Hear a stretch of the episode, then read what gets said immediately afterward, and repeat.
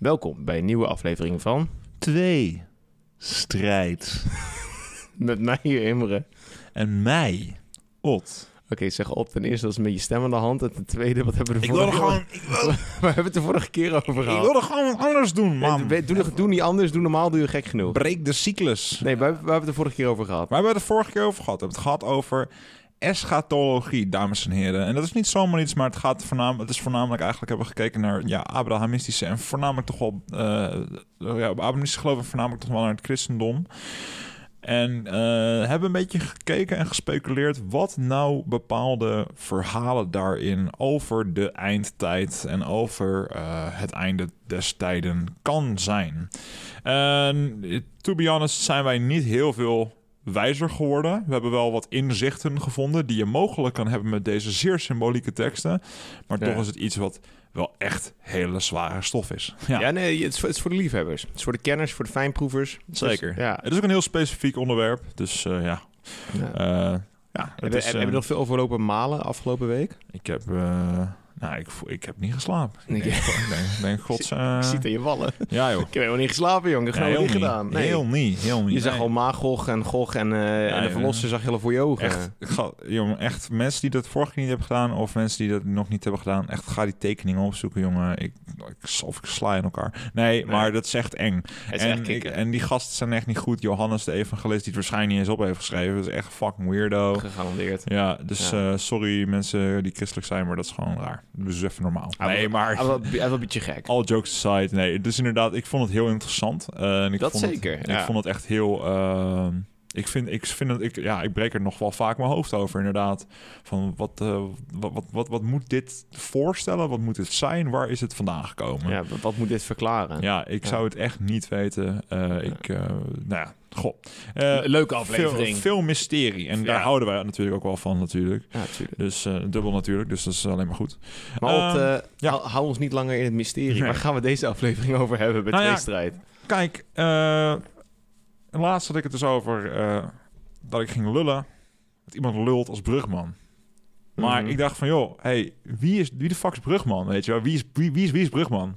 En iedereen kent dat spreekwoord denk ik wel. Lullen als brugman. Ja, lullen als brugman, praat als brugman. ik, zet dat, ik zet dat altijd op mijn cv, weet je wel. Een van mijn sterke eigenschappen, ik kan lullen als brugman. Ja, precies. Maar dat, is, dat is gewoon lekker. Maar ik dacht van, brugman, welke brugman? Ik ken de, nou ja, ik, ik, ik, ik dacht van, goh, welke brugman is het en waarom lult hij zoveel? Ja, maar, nou, laten we eerst even kijken naar natuurlijk, hè. Ehm, oh, la, nou, la- la- laten we eerst even kijken naar, wat betekent überhaupt? Als jij goed kan praten, dan lul jij als brugman. Als je veel kan praten, ja. eh lul je als brugman. Soms, het wordt in twee opzichten gebruikt, heb ik gekeken, gezien. Het is dus als je veel kan lullen, maar je kan ook zeggen van... Oh man, ik heb echt geluld als brugman, maar ik heb het echt niet voor elkaar gekregen. Oh, dat is echt overtu- eh, overtuigend dan, zeg maar. Ja, je moet eigenlijk dan iemand... Je wilt, ehm, je wilt iemand Iets overtuigen, maar dat, je hebt echt je best gedaan. Je hebt echt geluld als brugman. Dat Ar- gewoon niet aan. argumenten aangesleept, weet ik veel wat. Drogredenen. Ik bedoel, eh, ik die mijn vriendin moet overtuigen om eh, met mij... eh, Een goede oorlogsfilm te Dawn kijken. of the Dead te kijken. We houden Ja. allebei van horrorfilms, maar ze vindt zombiefilms eh, stom. Stom. Snap ik, maar ik wil de klassiekers. Dus ik wil Dawn of the Dead zien. Waarom, Nou, niet, waarom niet Shaun of the Dead? die is, dat is een leuke... geniaal. Maar dat is een leuke knipoog naar Dawn of the Dead. Dus ik dacht van, ik wil Dawn of the Dead zien, want dan weet ik what's up. En dat kijkt niemand anders. Nou ja, kijk gewoon met Dat andere je mij ziet. Met mij zie. Ik zit niet onder de plak. Nee, maar go- goed. eh jokes aside, alweer. Ehm, ik wil het zien, maar zij vindt principieel, gewoon echt principieel, vindt zij gewoon, ja, gewoon echt principieel. Dus een eed gezworen, ik ga nooit meer zombiefilms kijken. Wat ik snap. Een- een- ze heeft een eeuwige gelofte gezworen. Want ik, ik snap het prima, weet je wel. Ja, prima. Maar dan denk ik echt van, we kunnen het toch proberen. Nee. en ik heb gewoon een hele PowerPoint-presentatie in elkaar gezet. Voordelen van als je Dawn of the Dead krijgt. Voordeel 1, je bent intellectueel. Voordeel 2, eh, je bent nog cooler dan wie dan ook. Nee, maar ja, dus dat, en maar dan alsnog zo zeggen van... Nee, we gaan Japanse horror kijken. En ik denk van, ah, oké, ja, cool, prima. Is ook, is ook leuk voor Dat is eigenlijk, ja, het is, het is een, iets heel anders en ik, het is ook meer de haar ding en ik vind het ook wel leuk. Dus ik denk van, ja, goh, dan doen we dat maar. Maar ja, dan, dan heb je dus, Gewoon dan, in, in, die, houden- in die Heb je casus... geluld als brugman? Ja, in die situatie heb ik geluld als brugman, maar niet, Kan nog wel niks geraakt. gewonnen. Nee. Hey, en wanneer heb jij voor het laatst geluld als brugman?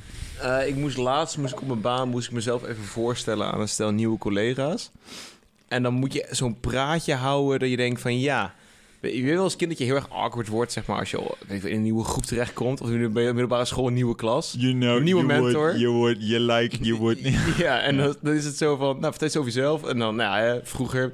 Nou, ik ben MG, ik ben eh 14 jaar en eh, geen baard in mijn keel, weet ik veel wat. En dan Ja. ga je vertellen dat je van tekenen houdt en eh, andere hobby's en funzige dingen. En, en ik, ik, ik kan lullen als brugman. Ik ben best wel een charismatisch persoon, vind ik zelf. Zo. Al, ja, ik, ik, raad mezelf aan als charismatisch persoon.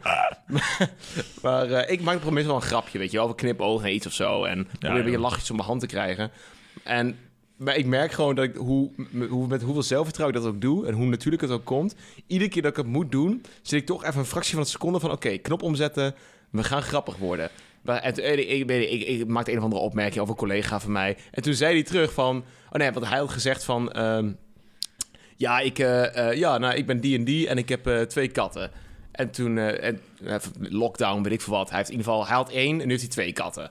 Dat, dat is de hele, dat is het enige wat je hoeft te weten. Ja. Ik moest vlak na hem en toen maakte ik een knipoog van ja, ik heb een hond, eh, beter dan twee katten. En toen zei hij, ik van, eh, toen zei hij van eh, ja, ik, ik heb er geen podcast gestart in eh, coronatijd. En toen, hij was heel snel er ook mee, weet je wel. Toen dacht Ja, ik ja, van, ja.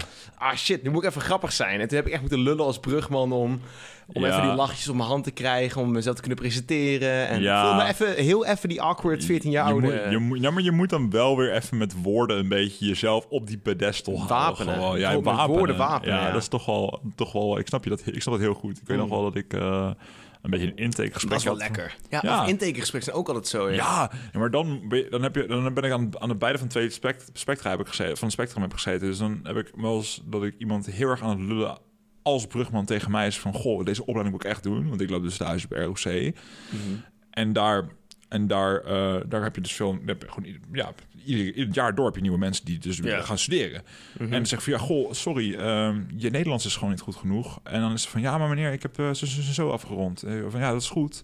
En dat is echt gewoon verhitte discussies. Dan zeg ik van, kijk, we kunnen je niet niet toelaten. Maar, dus je, je allebei, dat is lullen als brug, want we kunnen je niet niet toelaten. Ja. Maar ehm, we raden jou aan om Ja. dit nu, niet- nu nog niet te doen. Nee, je, niveau is er nog niet. ja, precies. maar. Maar ja, die mensen willen natuurlijk ook wat graag gewoon eventjes huppakee, mbo'tje, mbo'tje niveau 4, hup. Ja. Binnen, ja, eh, binnen jakkeren en niet weer een jaar op, eh, op, een, op de Nee, vingers zitten. dat snap ik wel. Ik, ik, ik, ik heb ook aan Dus- beide dus- kanten van die tafel gezeten. Ik ben en wel eens bezig geweest om mensen te werven voor mijn doel of mijn zaak. Mhm. En ik ben ook wel, zeg maar, dat ik duidelijk aan een tafel zat. Heb je wel eens gehad dat je zeg maar, een soort sollicitatiegesprek hebt gehad? Of in gesprek bent geweest met, Ja, maar een dat- wer- dat- dat bedoel met, met dus. een werver of zo. En dat je zo'n gesprek hebt van, mij wordt hier iets verkocht. Maar dit zijn te ingestudeerde lines of zo. En ik pik dit gewoon niet. En dit is gewoon zuur. En dan, Ja, maar dan gaat het langs me heen, dan ben ik ja, precies. ik- maar dat voel je al heel gauw aan je water. Dus iemand kan lullen als brugman, maar je moet alsnog de juiste dialoog vinden. Of de juiste didactische vaardigheden hebben, wil het vruchtbare grond Je vinden. moet, want- ja, maar je moet iemand, je moet, je moet mensen pakken. Ja, precies. Maar ik heb vaak genoeg gehad. Ik bij een sollicitatiegesprek zat of zo. Of dat ik dacht van, ah, weet je wat, ik ga kijken bij deze functie of bij deze rol. En kijk misschien of dit iets voor mij is. Ja. Of, of ook, ook schrijf je in voor een sportschool of een nieuwe sportvereniging, hockey, tennis, voetbal, weet ik wat. En heb je zo'n beetje zo'n verkopergevoel die denkt van, koop ik een Audi of zo? Ik dacht dat jij mij persoonlijk moest laten weten dat jij het tof vindt om mij bij deze voetbalvereniging te hebben. En voor mijn gevoel krijg ik een of ander slap lulverhaal van ja, een gladgeschoren gozer die nou, voor het gevoel mijn Audi verkoopt. Terwijl Ja. eigenlijk een hele diepe menselijke connectie met me probeert te maken. ja, maar dat is ook met, ja, met voetbalverenigingen. Dat denk ik van, ja, dat is toch wel... Maar ja, verkopers zijn wel gewoon verkopers. Hmm. En ja... Maar er zijn verkopers kunnen de lullen als brugman. Ja, Echt waar. Absoluut. Want zeg maar, ze zien jou één seconde twijfelen of stamelen in een zin. Of je... je, je, je, je, je- Goede verkopers, die kunnen dat ja, zien, inderdaad. Die, die, die voelen dat je zeg maar, bijvoorbeeld eh eventjes stottert over een woord. En die zien dan een fractie van een seconde opening zeggen van... Maar wist u dat als u nu deze lening afsluit... u 3,2% minder rendement krijgt... dan weet ik veel, een of Ja, ander maar slap Ze gepraat. weten precies wat ze doen. Ja, Ja. Ik heb het één dag gedaan. Verschrikkelijk. Nou, Eén dag. ja, ja, ik dacht Is dit je van, kortste baan ooit geweest? eh, ja, jawel. Weet jawel. weet je wat mijn kortste baan was? Nou, Ik was aangenomen bij de, bij de post, bij PostNL, als, eh, als postbode, als post sorteren.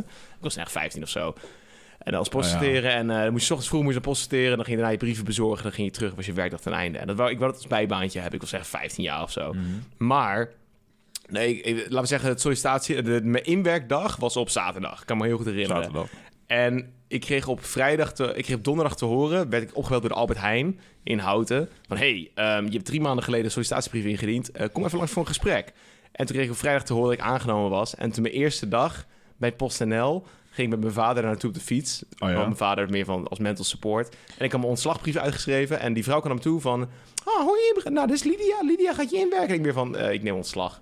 Ja, Zeg maar als in, en ik vond het netjes dat ik formeel aankwam, weet je wel. Van, ik neem ontslag bij PostNL. dat is boos op je. Eh, Ja, dus hij was helemaal weer van... Ja, maar ehm, Lydia is helemaal vanuit een andere regio hier naartoe gereden... om jou vandaag hierin te werken. Ik meer van, ik, ik neem ontslag. Zeg maar als in...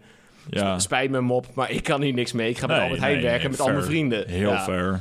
Dat was mijn kortste werkdag, eh, mijn kortste baan ooit. Ja. Ik staat ook niet op mijn cv. Nee, precies. Eén dag, minder dan een uur. Ja, minder dan... Oh, wauw. Ja, was voordat je überhaupt begon. Ja, we was aankomen op mijn... Op mijn het, het contract maar was maar allemaal... hoe heb je dan bedacht van... Goh, ik ga het toch niet doen?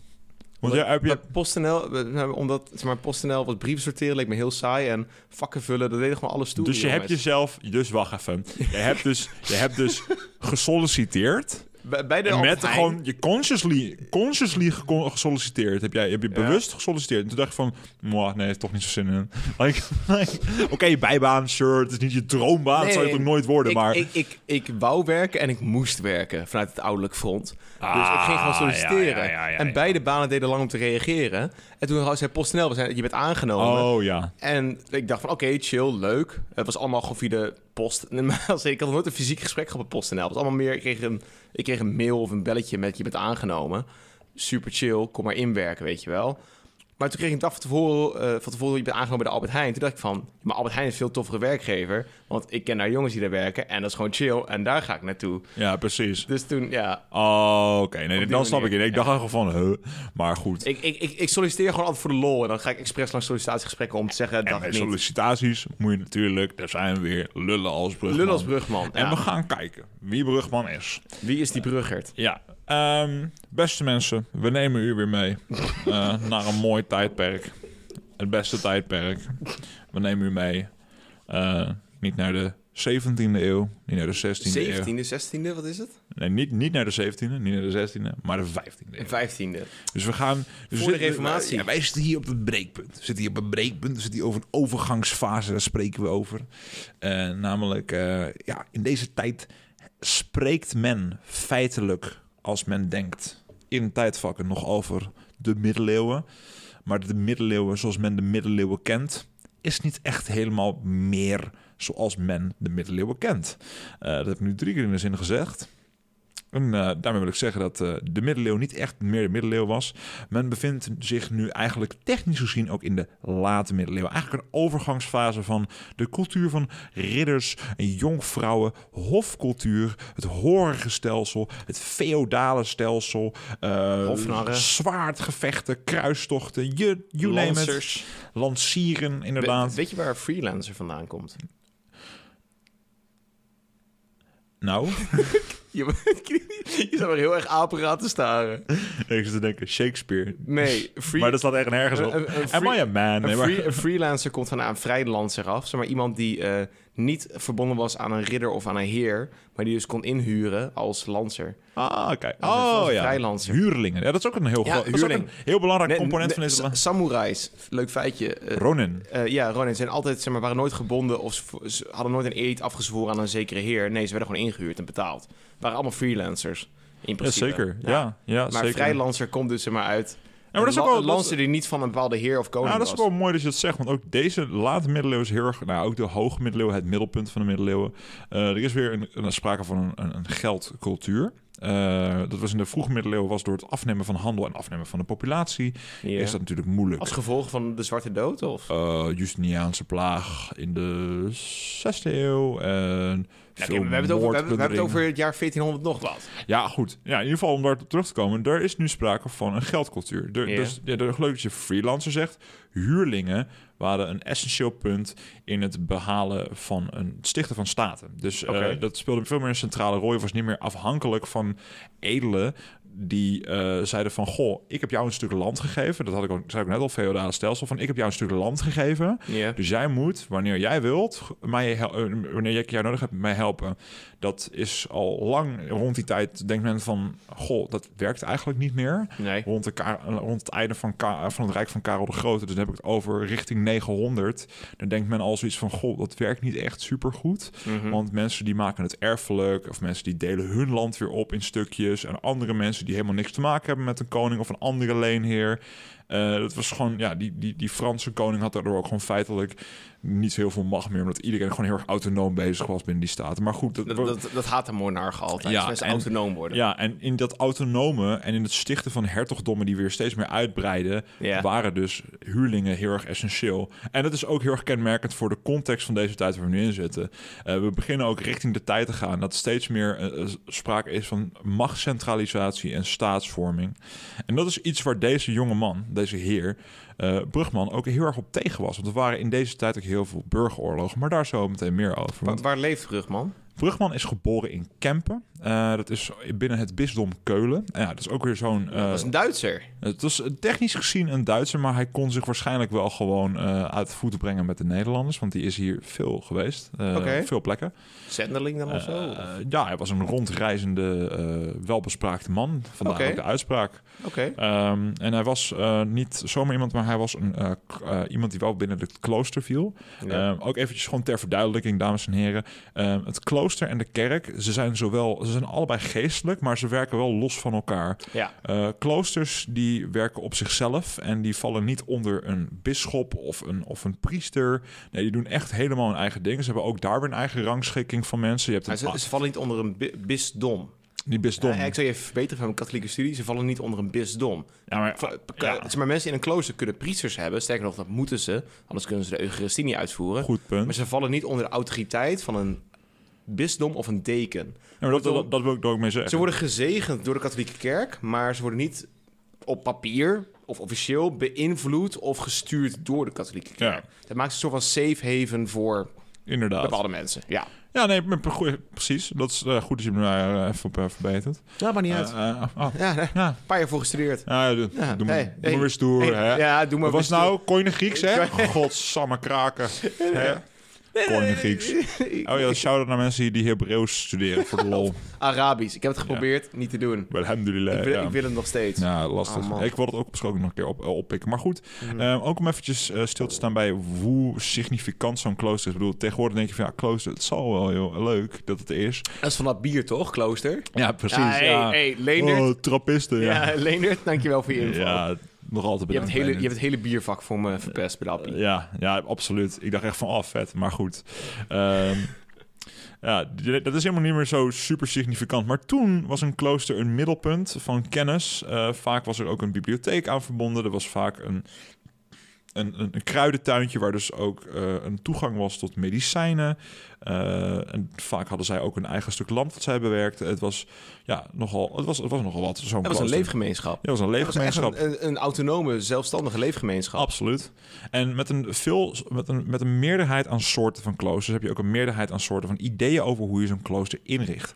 Eh, en er zijn meerdere vormen van kloosterordes, zoals die ideeën dus eigenlijk heet, of, of, of, of samenwerking van kloosters met een bepaald idee over hoe je een klooster inricht. En eh, het kloosterorde waar dus deze Brugman, deze Johannes, of dan moet ik het even goed zeggen, ik denk het wel. Dat is Johannes Brugman. Ja, Johannes Brugman, eh, die ongeveer trouwens geleefd heeft van ongeveer 1400 tot 100, eh, 1473. Dus echt die, ja, die, la, die, die late eh 15e eeuw. Die eh, hoorde tot de Franciscanen. En, ben- Francie! Ja, Hey! Francie. Ja, Francie. Ben, je- ben je bekend met de Franciscanen? Ja, ik ben bekend met de Franciscanen. Toevallig is afgelopen eh, zondag is nog een van mijn eh, klasgenoten slash studiegenoten is eh, gewijd. En die eh, heeft, die heeft... Ik ik wist vrij weinig over eh, kloosters. Oké. Totdat ik colleges kreeg over kerkgeschiedenis. En dan gaat ook zeg maar, over hoe kloosterordes een autonome leefgemeenschap worden. En hoe die vallen binnen... eh, ik heb ook namelijk ook eh, kerkrecht gehad, katholiek kerkrecht. Kanoniek. eh, Kanoniek recht. Ja, Ja, sick. Nou ja, als je ooit denkt van... ehm, ik ben gelukkig in het leven en dat wil ik niet langer... ga kanoniek recht studeren. Want daar moet je... dat, is, dat is echt niet te doen, man. Christus de paard. Dat ja. is echt niet te doen. Maar eh, daardoor ben ik ook zeg maar, over de... Nou, meer ben ik meer te weten gekomen over eh, nou, wat kloosterorders nou eigenlijk zijn. En ik zat in de klas met een aantal Franciscanen. Franciscanen zijn best wel hot de afgelopen jaren. Eh, zeker omdat de Oh. huidige, huidige paus, Francie... ehm, is de eerste Franciscaan, eh, paus. Oh, echt? Ja, Oké. Ja. Ja, eh, en je ziet ook aan zijn gewaad helemaal wit, helemaal heel sober. Nou, dat is een van de eisen in de gelofte Kenmerken, ja. eh, kenmerken van de Franciscanen. Juist. Bijvoorbeeld Jezuïeten, die kennen we al iets meer. Jezuïeten zijn internationaal heel bekend, want de Jezuïeten-orde, die een, een van hun grote speerpunten is education, Onderwijs. ja. onderwijs. En Ja. dat waren dus heel veel zendelingen. Die zijn naar Japan gegaan en naar Afrika. Klopt, ja. Dat zijn altijd Jezuïeten Yo, zo. ja, Daarom heb je nu in Zuid-Amerika en Japan en Zuidoost-Azië... heb je overal de Jesuit School of Saint Oh, Bartholomew ja. of weet ik veel wat. Wa- dat zijn allemaal Jezuïeten geweest. Waren de Jezuïeten niet ook gelieerd en gekoppeld aan de Inquisitie? Dus de... Ja, ja, ja. Grote- Zover ik weet wel. Ze hebben een iets duister verleden. Maar ik... Eh, van, Iets met Ignatius. En geloof me, ik ben er niet heel gelezen in. Maar ik weet wel onder van de Franciscanen. Ja. Ehm, en wat bij de meeste kloosterorders zo is, je legt een tijdelijke gelofte af en een eeuwige gelofte. En dat is eigenlijk een soort van een tijdelijk contract en een eeuwig contract. Je kan een soort van proeftijd lopen bij een klooster van, is dit iets voor mij? In die tijdelijke gelofte beloof je eigenlijk, draag je al het gewaad. Oké. En eh, ben je al bezig met het worden van een minder broeder, daar komen we zo meteen op. Ja, precies. En dan ga je een studie volgen, nou, zoals mijn studie theologie, om eigenlijk, nou ja, de basiseisen voor een broeder te Mhm. vervullen, zeg maar. Dat je tenminste het geloof hebt gestudeerd waar jij je eeuwige gelofte aan gaat zweren. Mhm. En dan kun je op een bepaald priester worden. En een bepaald kun je dus ook je eeuwige gelofte eh, afleggen. Dat betekent dat jij tegenover trouw zweert aan de orde en aan een bepaalde, eh, een bepaalde leefwijze tot aan je kist. Oké, maar als je dus een eeuwige gelofte uitschrijft, ben je dan ook gewijd? Of ben je al gewijd vanaf het begin dat jij daarin Eh, treedt? nee, nee, wijde betekent zeg maar echt, je bent priester, eh, je bent diaken, priester of bisschop.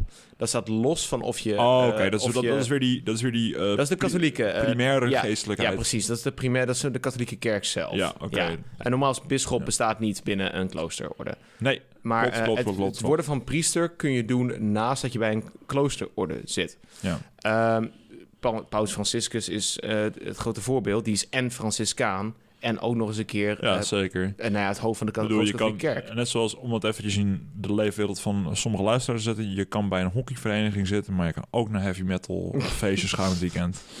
Nou, dat kan. Ik bedoel, je, je- Kan gewoon. Ik ken die mensen. Ja, precies. Ik ken die Het mensen. zijn gescheiden werelden, maar je kan er allebei, allebei bij Ah. behoren. Nee, maar je moet het wel echt zien dat mensen denken zeg maar, dat, eh dat kloosterorders en katholieke kerk eh één pot nat zijn. Dat ligt echt wel anders. Ze hebben Zeker. andere tradities, andere gebruiken. Ja, ze, staan, kalender. stil, ze staan stil bij het geloof en dat staat centraal. En maar dat wordt op een andere manier, denk ik, wel ja, beoefend. maar je moet eigenlijk nagaan. ehm, ja, Franciscus, eh, Sint Franciscus, zeg maar. Het is een heilige. Ehm, als je goed nadenkt Van alle- Assisi. Ja. Ja, Franciscus van Assisi inderdaad, ja. Ehm, alle namen van alle kloosterorders zijn gelinkt Ja, aan een heilige. En de het waren oudste is de Benedictijnerklooster en dat is... eh, Benedictus. Benedictus. Of Augustinus, eh, dat is nog ouder. Augustijner, ja goed. In Ja, ieder geval. maar, maar kloosterorders zijn geloofsgemeenschappen die ontstaan omtrent het leven niet per se van Jezus, maar van een bepaald soort. Levensvorm die je uit kan, op kan doen uit de Bijbel. Toch? Of uit, de, uit het verhaal rondom... Eh, Die één persoon heeft een bepaald soort leven geleid. Dat was Ja. meestal een paar jaar of die we- week af van het Rooms-Katholieke geloof. ja. En na zijn dood wordt zo'n persoon heilig verklaard en wordt ingezien van zijn leefwijze was enorm belangrijk. Ik weet bijvoorbeeld van, eh nou, van de Jezuïeten.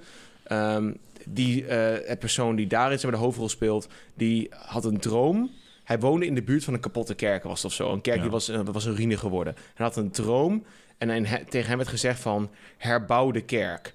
En daarmee dacht die persoon, ik moet letterlijk deze ruïne op gaan bouwen. En daarna kreeg hij een droom van, nee, je moet even dingen toevoegen aan het geloof, want dit gaat helemaal de mist in. Volgens mij was de Jezuïeten, kan zelfs de Franciscanen zijn geweest.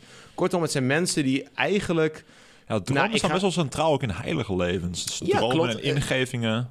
alle heiligen waar je over leest binnen het Rooms-Katholieke geloof, dat zijn zeg maar Messias lights. Dat is- Zo zie ik het, onthoud ik het zelf maar. Het, zij, ze zijn niet Jezus, ze zijn niet als Jezus, maar het zijn mensen binnen het christelijk geloof met een afwijkende visie die als na hun dood vaak als heilig wordt gezien. Als in dit persoon haalt bij het rechte eind. En dat is niet verkeerd om daarin te geloven en daar Nee. te bidden en een aparte dag aan te Oh, wijden. oké. Of een complete kloosterorde in dat persoons eh Ja, want nalatenschap eh, Ja, eh, precies. op te richten. Oké. En, dat, en dat, ja, Franciscanen zijn er dus, een, is Ja. er dus eentje van. En Frans- Brugman was er een. Brugman was, er, al, was er dus ook in. En wat, nou ja, om Franciscanen dan toch even uit te leggen. Franciscanen zijn minder broeders. Mhm. En Franciscanen die eh, ontdoen zich van alle wereldlijke bezitten eigenlijk. Mhm. En die willen leven zoals de apostelen. En de apostelen hadden ook niet veel geld en niet veel bezittingen. Eigenlijk zo goed als, ja, dan moet ik even naar jou kijken of dit klopt. Zo goed als geen eh, bezittingen. En waren eigenlijk Armoede. Ja, compleet... eh, Het, het was eh, Franciscus die de droom kreeg. Franciscus, Franciscus, ga en herstel mijn huis. Oké, Hij oh. kreeg die droom. En dat, eh, Franciscus van Ja, Assisi interpreteerde dat als in herbouw deze ruïne van een kerk. En later in zijn leven is hij dat gaan interpreteren als in van nee, herstel mijn werk. Ah, ja. Dit was Franciscus, niet de Jezuïeten. Oké. Oké, Oké. Goed om te weten. Goed om te weten. Fijn. Eh, nee, dat is goed. We moeten wel gewoon goede eh, informatie verkopen. Ja, Nee, precies. verkopen. Klopt tenminste wat we zeggen. Nou, in ieder geval, kijk, dat is dus het hele ding. Hij is dus als Franciscaner begonnen en Franciscanen die onthouden zich eigenlijk van wereldlijke bezitten. hey, Imre, ken je andere mensen die eigenlijk vanuit een niet, die niet christelijk zijn, Ja. die, zich daar, die daar ook heel erg aan doen? Eh, nee, wat ik kan bedenken zijn zeg maar eh, de alombekende kluizenaren, zeg maar. De mensen of de woestijnvaders. Maar ik, even, even niet christelijk, niet, niet, niet christelijk. Even, wie, wie, wie, wie, wie, is, wie zijn echt, echt, echt bekend rond? Echt, wie zie je gewoon... Ik, ik zie eh, Job. Ken je Job? Job uit het Oude Testament. Job. Nee, maar, geen, nee, maar, niet, nee, maar ook niet Jood, Joods, maar gewoon eventjes, ik wil even naar het Oké, oosten. dus ik- oké, je Ja, wil naar wie- het, je wil wie- naar het oosten. Ja, wie onthouden zich ook echt... Je geeft me even veel keuzevrijheid, chef. Ik mag niet Ja, christelijk, en niet, en niet jodendom, Nee, maar even, ik wil niet, niet die hoek. niet Eh, Abrahamistisch. Nee, niet, niet goed zo. Niet Dank je. Abrahamistisch. Ja, dat, dat, Oké, nou dan zie ik wel eh, onze boy Siddhartha Gautama. Ja, dus Ja? de boeddhisten. Ja? Ja, Ja, dat zit, zit- nogmaals. boeddhistische monniken. Nee, nee, Siddhartha Gautama was een hindoeïstische man.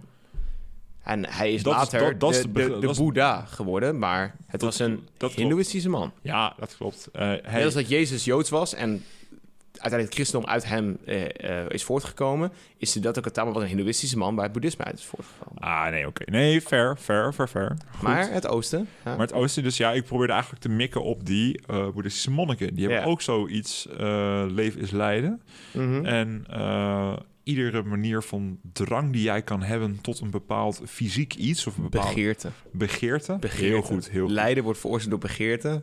Lijden stopt wanneer begeerte stopt en begeerte stopt door welk pad? Eh, de, volledige ascese. Nee, Nee, eh, het zevenvoudige pad in mijn hoofd. zevenvoudig. Nou goed, pad. in ieder geval, dat is een beetje vergelijkbaar voor mensen die een idee willen. Achtvoudig pad. Achtvoudig blad. Achtvoudig pad. Ik heb het snel gegoogeld. Achtvoudig. Heel goed. Niet zeven. Shit. Eh, nee, dat was vorige ke- keer voor zeven zegels. In Ja, ieder geval, ja, man. Al die Ja, nummertjes. Ik, ja. ik word er nog steeds kierenwiet van. Kan, je, Maar... kan je de tafel van vier? Nee. Nee. Oké, maar boeddhistische monniken inderdaad, die leggen ook een soort van eed of eeuwige gelofte af. Of tijdelijke gelofte juist, van een heleboel mensen in eh, landen waar boeddhisme prominent aanwezig is. Die gaan voor een jaar of anderhalf of twee als soort van dienstplicht. Ehm een van hun zonen wordt gewoon als dienstplicht een monnik voor Oké. een paar jaar. Of zelfs oudere mensen die een succesvolle carrière hebben gehad. Je kunt het bijna zien als zeg maar de pelgrimstocht naar Mekka voor moslims Ja. ehm, is het gewoon verplicht binnen bepaalde boeddhistische landen. Ehm, dat gewoon een van jouw kinderen of jijzelf op een bepaald punt in je leven gewoon twee jaar netjes in een eh, kloosterorde Oh ja. gaat zitten. Maar hoe dit met Brugman te maken? Nou ja, weet je, kijk, het is gewoon voor mensen om een idee te krijgen van in hoe, hoe, hoe serieus het wordt genomen. Eh, en er, er kijk, in deze bevlogen jaren met meerdere ideeën eigenlijk binnen de kerk van hervorming en nieuwe ideeën over hoe je het geloof moet eh, uitoefenen met het ontstaan van eh Franciscaans, Franciscaner klooster, eh, was ook weer een nieuwe ehm, ehm, beweging. En dat was eh, de observisten, of observanten, excuus. En eh, dat is weer een hervorming binnen de Franciscanen.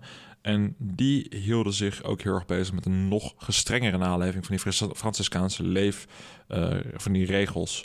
En eh, nadat, die, eh, nadat Brugman een toespraak meemaakt in Saint-Omer, dat is volgens mij in Vlaanderen als ik het goed heb. Ehm, want deze man die heeft nogal een handje van echt heel veel rond, rondreizen.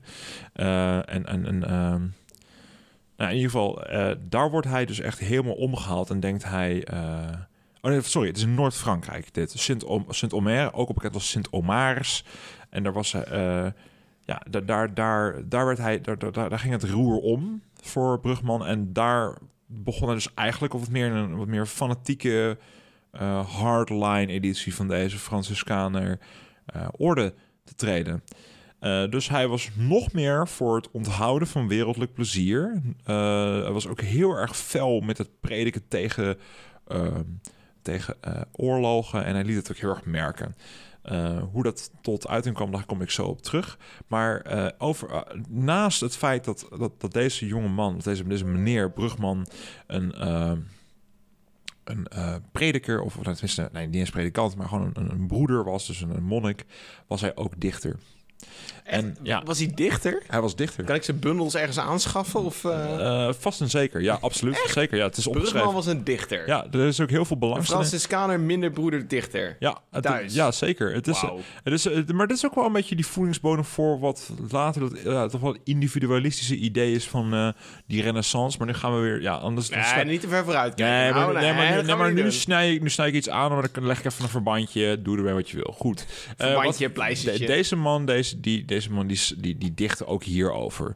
En hij zei: Adieu der wereld minnen. Adieu, het is al gedaan. Ik heb in minnen zinnen wat nieuws aan te gaan. Ik wil gaan avonturen. Te gaan een en andere gang. Al zult me werden zuren.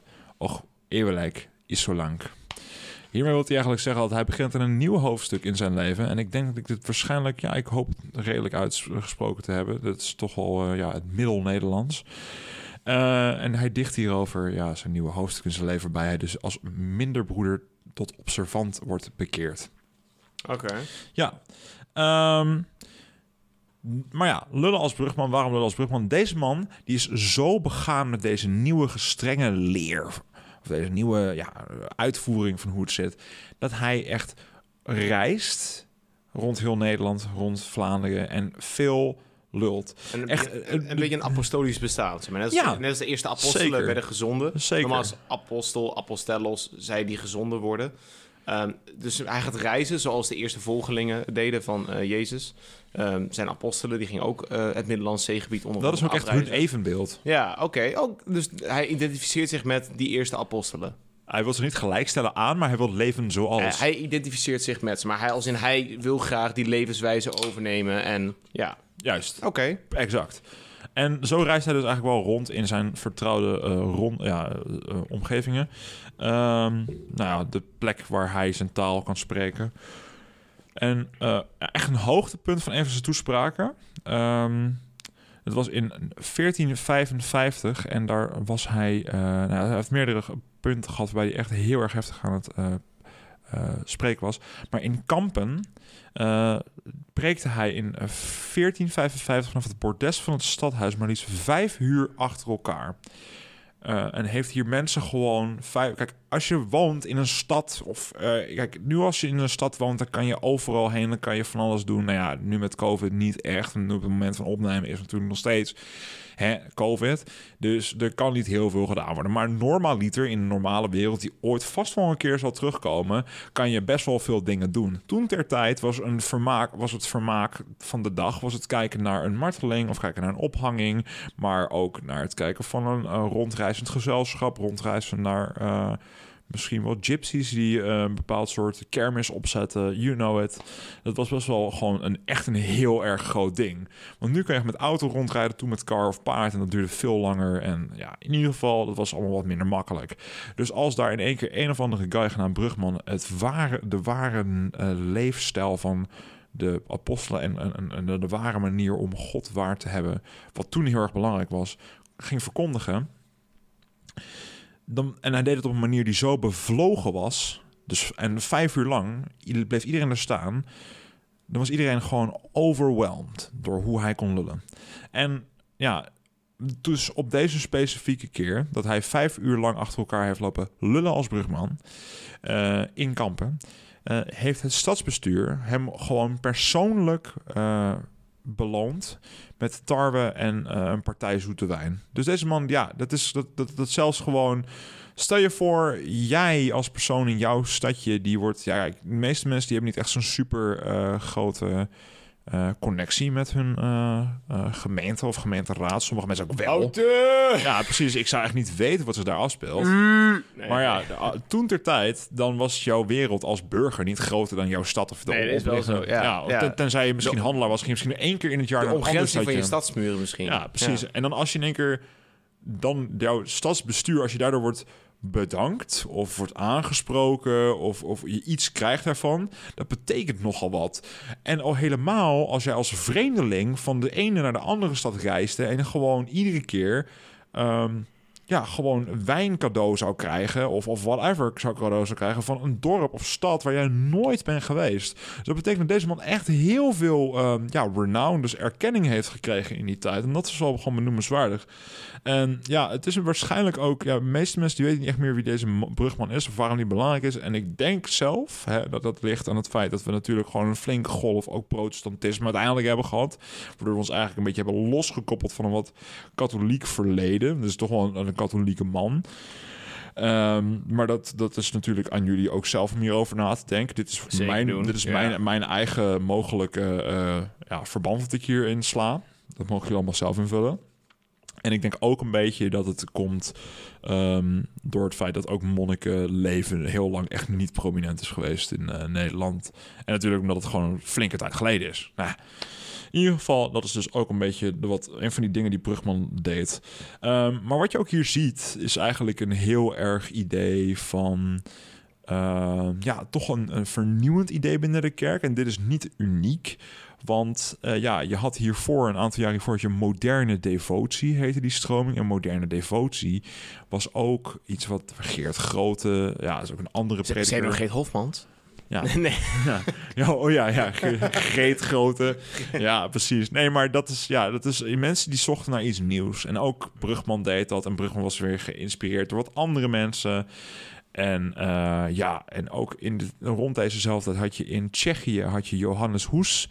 En die was ook eh, heel erg voor het, bijvoorbeeld het prediken van eh, in de volkstaal. Want het volk was altijd aan het luisteren naar Latijn. En 9 van de 10 mensen die begrepen voor geen zak wat dat was.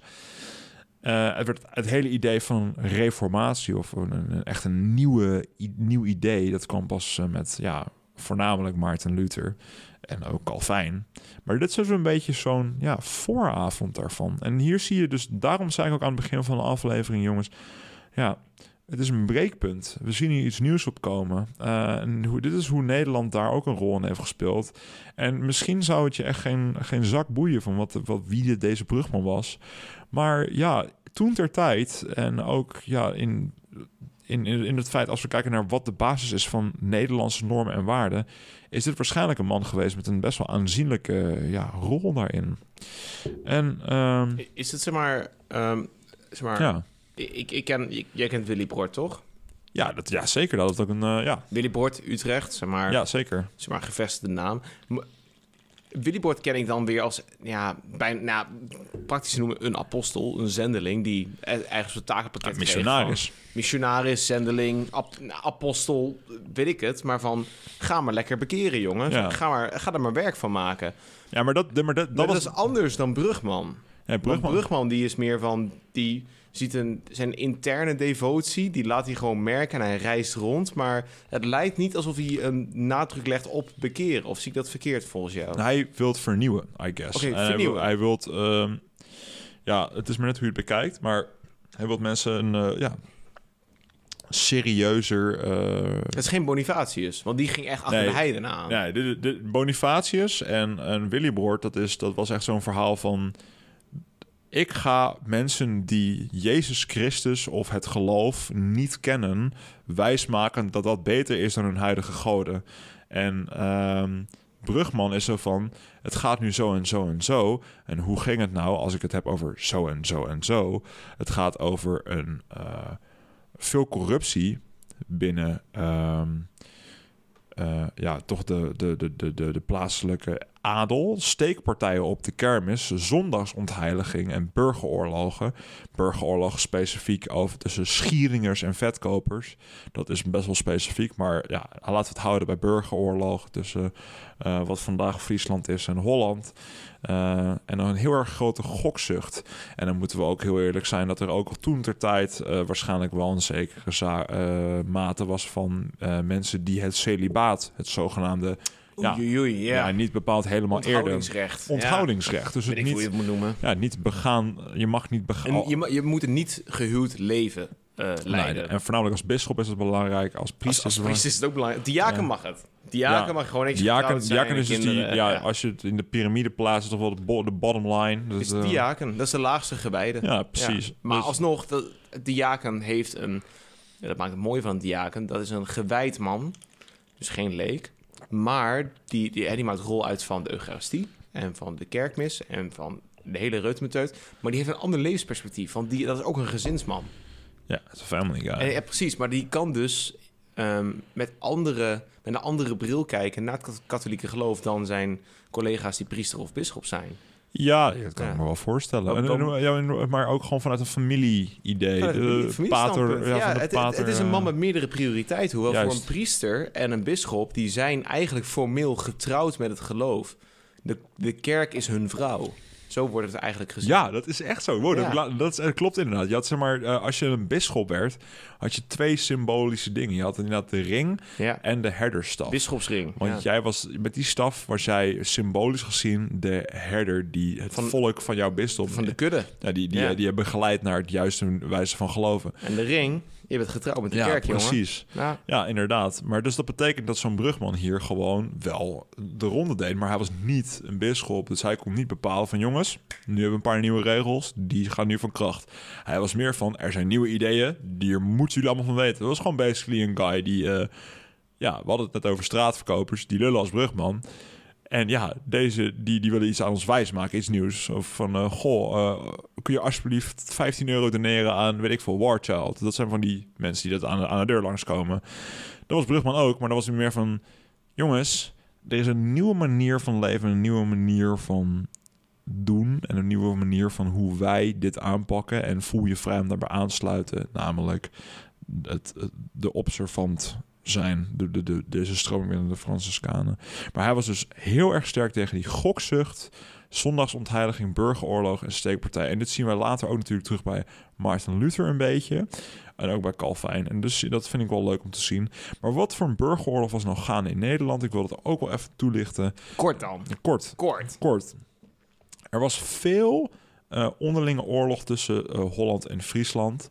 En er is een befaamde uh, slag geweest, slag bij de Warns, 1345. Dat is wel echt maar liefst 700 jaar tot de bevrijding. Om eventjes een, eventjes een voor, voorbeeld te nemen. Maar ja, dat bleef nogal een beetje broeien. Uh, in het noorden van, van ons hedendaagse Nederland en, en in, uh, in Holland was er over en weer constant geweld. En uh, ja, toch intrige. En binnen een paar jaar zou uiteindelijk via een paar trouwerijen en een paar veroveringen, voornamelijk in Gelderland, zouden ook de Bourgondiërs aan de macht komen in het grote gedeelte van hedendaags Nederland. Om vervolgens, en dat is waar waarschijnlijk hopelijk de, het merendeel die geschiedenis heeft gehad op een redelijk niveau op de middelbare school, wat van zal begrijpen, om vervolgens opgevolgd te worden door uh, Karel V van de Habsburgers. Maar goed, daar laat ik het even bij wat betreft die politiek van die tijd. Maar dan heb je een idee wat er gebeurde. En, ja, de tijd, ja, in ieder geval het jaar dat Brugman doodging, was ook een aantal, ik denk, nee, uh, ja, ongeveer 20 jaar uh, voordat Columbus eigenlijk Amerika uh, bereikt. Ja, 20, 25 jaar, zoiets. Dus dan weet je waar, wat voor tijd we leven. We hebben wel gewoon een tijd waar richting die breuk toe werken. En dan moet je natuurlijk ook wel als persoon die breuk willen erkennen. Maar goed, ja, de uitdrukking Johannes Brugman over lullen als Brugman, dat heeft gewoon te maken met een middeleeuws theoloog een middeleeuws beoefener, beoefener die werkte als minderbroeder en die nieuwe ideeën de wereld in wilde helpen. En daarom eigenlijk niet eigenlijk heel veel meer was, maar een Nederlandse bijdrage aan een wereld van verandering in denken, in doen, in laten en in uitoefenen. Wat vind je daarvan, uh, Imre? nee, ja, wat ik me net wel realiseer... ehm, lullen als brugman. Eh, ik vraag me af of hij een charismatische persoon is geweest. Zeg maar, wij maken de uitdrukking... Wij lullen Ik denk als- fanatiek eerder. Ja, Fanatiek. wij lullen als brugman, maar is lullen... zeg Maar nu is, is hermeneutisch moeilijk vast te leggen hoor. Maar, of in ieder geval taalfilosofisch... Is ik gebruik lullen, gebruik ik zeg maar voor slap. Ja, oké. Ik heb een partij eh, slap gelul. Ik heb een partij afgeluld, weet ik veel. Als in kortom, het was een boel gelul die avond. Een beetje met elkaar lopen lullen. Dat is niet een gesprek Het voeren. is informeel. Dat is niet Plato en Aristoteles, die hebben niet lopen lullen, die hebben gesproken. Die hebben, die hebben een dialoog gevoerd. En dat is niet, ik heb, ge- ik heb niet, het, het spreekwoord is niet, ik heb een dialoog gevoerd als brugman. Nee, ik heb geluld als brugman. Ik heb het gewoon in de zin... Het, heb, het, het klinkt als of hij misschien wel, hij was wel bekend, maar misschien niet populair. Dat Ehm, weet ik niet. Dat ik weet niet durf ik ook, eigenlijk ook niet te zeggen. Hij is wel gewoon opgetekend voor een reden. En hij is ook zeker echt in meerdere bronnen gewoon geschreven. Dus hij is wel van significante waarde. Ik heb eigenlijk zelf gewoon lullen als brugman. Lullen specifiek gebruikt omdat ik het gewoon informeel wilde, wilde houden. Maar men kent de uitdrukking ook gewoon als praten als brugman. Heb ik nog nooit gehoord. Spreken als brugman. Hij- dus daarom zei ik. Want Ik heb, het nog nooit, ik heb nog nooit gehoord van hij kan praten als brugman, hij kan spreken als brugman. En dat is ik, kan al ik heb alleen maar gehoord, hij kan lullen als brugman. Ja, maar dat is, dat, dat is denk ik ook waarom ik dacht van... Ik denk, ik denk dat niemand echt meer super erg weet wie Brugman is. Door, ik door, door, Je- door, door een tijd van Ja. een beetje dat protestantisme... en ook het feit dat eh, het monnikenleven een beetje weg is gegaan... en ook ja, dit niet echt super significant is geweest. Ook voornamelijk in een tijd die... Ja, in deze tijd hebben we natuurlijk een tijd van ontkerkeling een beetje gehad. Ja. Kerkelijking en een beetje... Ja, ehm on, ja, onzuiling, maar er niks mee, niks mee te maken, maar ook weer wel. Ehm, nou ja, mensen die zijn er een beetje wat minder bewust van geworden. Dus ik denk dat daarom een beetje dat het meer informeel gebruikt is geworden... in plaats van praten als brugman, dat het lullen als brugman is geworden. Dat zou kunnen. Dus ik denk, ja, maar dat denk ik. Dat, ja, ik weet niet. Het is, Ja, een, is een onbewezen, op niks bewezen eh, theorie. ja dat, maar ik- ik- ik zou, ik, ik denk dat dat het is geworden. En eh Maar lullen als brugman kli- klinkt ook gewoon tof. Maar als het in, is veel lekkerder oh, echt, mijn leidinggevende man, je moet hem een keer horen, die kan echt lullen als brugman. Die, Ja. Die verkoopt, ja, weet ik veel, ja, die verkoopt nog een condoom aan een non, zeg maar, weet je wel. Dat, als je dat Bruh. kan, dan kan je echt lullen als brugman. Ik zie lullen als Kan brugman echt niet wat hij zegt, hoor. Kan, Kan kan, niet kan niet. Als nonnen dit horen, bro, Het gelijk op een tijntje zo trap. zit ook in kloosters. Is het ook een klus. Zit ook in kloosters. Ja, maar dat is Ja. eigenlijk dus die brugman, man. Eh, nou, Ik, ja. Interessant, ik wist dus, ik ken het spreekwoord maar al, nou, al te goed, maar ik wist dus oprecht niet wat, eh, waar het vandaan kwam. En dat is maar een of andere eh, Johannes Duitser eh, door Nederland heeft gereisd en eh, een beetje gedichtjes heeft lopen praten en een strengere variant van het Franciscaanse, van de Franciscaanse geloftes aan het prediken was, terwijl hij zelf niet gewijd was. En dat we daar in Nederland nu 700 jaar ongeveer later een spreekwoord aan overhouden. Ja. Dat vind ik ja, bizar. Ja, het dus- is weer een mysterie, Nee, hoor. maar het is weer Het gewoon, is weer het is weer gewoon zo'n voetnoot in de geschiedenis die ik in ieder geval met alle liefde weer wil uitlichten bij deze podcast. Ik vind dat gewoon een van de wat belangrijke dingen om van die vergeten stukken geschiedenis, zoals we ook als je als luisteraar ook kijkt naar de podcastomschrijving, dan halen we toch onderbelicht geschiedenis of eh, ja, stromingen binnen geloof naar boven. En dit vond ik een hele goede erin. Omdat eh, ik denk 9 van de 10 mensen die je vraagt wie is Brugman, bij de uitspraak wie de lullen als Brugman, niemand weet dat waarschijnlijk. Heel veel mensen weten dat waarschijnlijk Leuke trivia eh, wel. Ja, en daarom, ja, dat is waar we naartoe werkten. En ik hoop dat we jullie daarmee geïnformeerd hebben eigenlijk. En, en misschien ook wel een beetje geamuseerd. Dat, is wel, Ja. dat, zijn onze, dat zijn onze twee, hè, onze Ja, dat is twee, onze twee speerpunten. Dat is Ja, onze eeuwige gelofte. Informeren. Dit is informeren en amuseren. Ja. twee, twee strijdige kloosterorden. Oké, dat slaat echt helemaal nergens op. Maar ja, het kan er ooit ergens op slaan. Hè? Je weet Eh, nooit. die- Woorden en waarden van zinnen. Je kan echt lullen als ot. Ja, ik lul. Ja, wow, yo. als ot. Zeker. Hey, eh, ik heb genoeg van je gepraat aangehoord, jongen, voor deze aflevering. Het was me weer genoeg gehold. Bedankt voor het uitleggen van Lullen als Brugman. Graag gedaan. En eh, ik, ik dames en heren, dit was deze aflevering, aflevering 12 alweer. En tot de volgende keer. Tot de volgende keer. Adios. Adios.